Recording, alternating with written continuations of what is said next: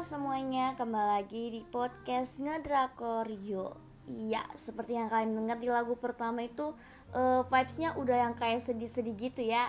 Sesuai dengan yang bakal kita bahas pada minggu ini Yaitu drama Hai Bye Mama yang emang kalau dinonton itu butuh tisu yang sangat banyak.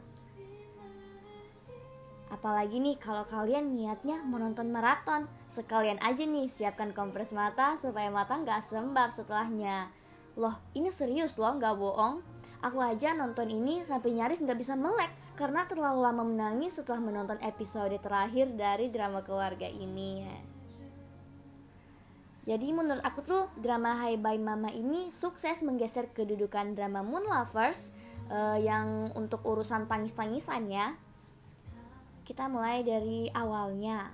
Awalnya aku tertarik nonton drama Hai Bye Mama ini karena drama ini nih merupakan comeback drama Kim Tae Hee setelah 5 tahun vakum berakting.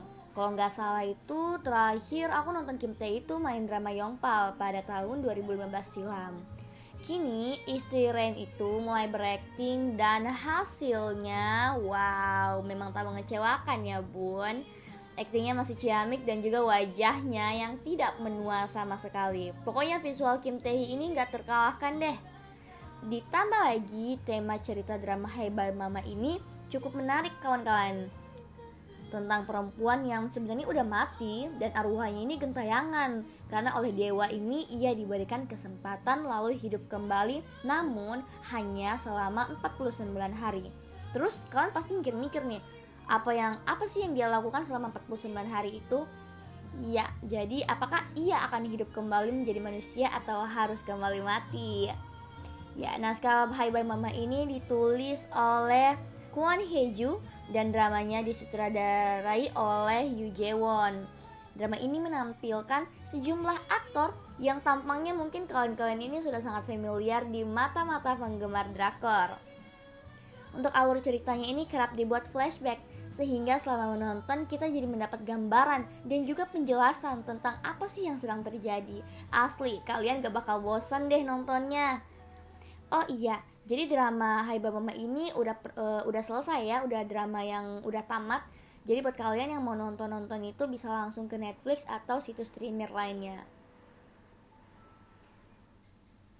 Oke, untuk sebelumnya kita masuk ke sinopsis dulu nih. Seperti biasa, spoiler juga akan bertebaran di podcast kali ini. Jadi buat kalian yang gak suka spoiler, gak apa-apa sih kalian dengerin podcast ini. Soalnya podcast ini juga uh, memberi kalian gambaran nih tentang drama yang bakal aku review kali ini ya.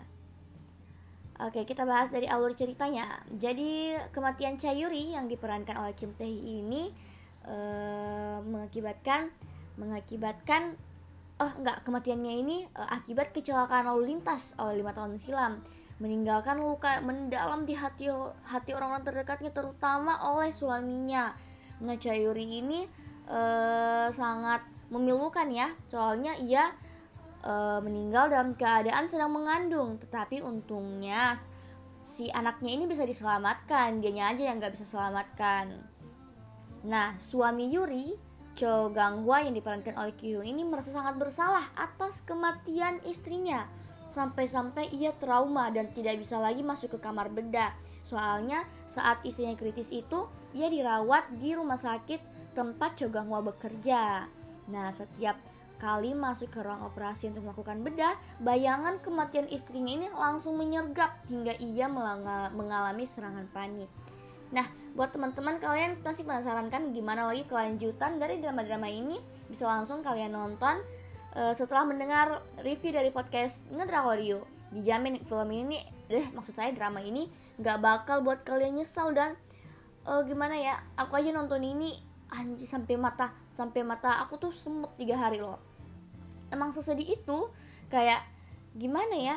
Emang udah takdirnya dia tuh nggak bisa lagi hidup, tapi orang-orang terdekatnya itu nggak mau dia dia pergi lagi untuk kedua kalinya apalagi si sahabatnya itu si sahabatnya ini bilang kamu tuh harus egois tapi si Sonu Sowu ini karena terlalu polos dan juga terlalu baik ya nggak bisa nih ngerelain uh, ngerelain kehidup eh bukan kehidupan sih ya nggak bisa uh, nge ngebiarin ngebiarin si istri baru dari suaminya itu uh, harus pisah soalnya ia juga merasa anaknya Sowu tuh udah udah paling nyaman nih sama dia.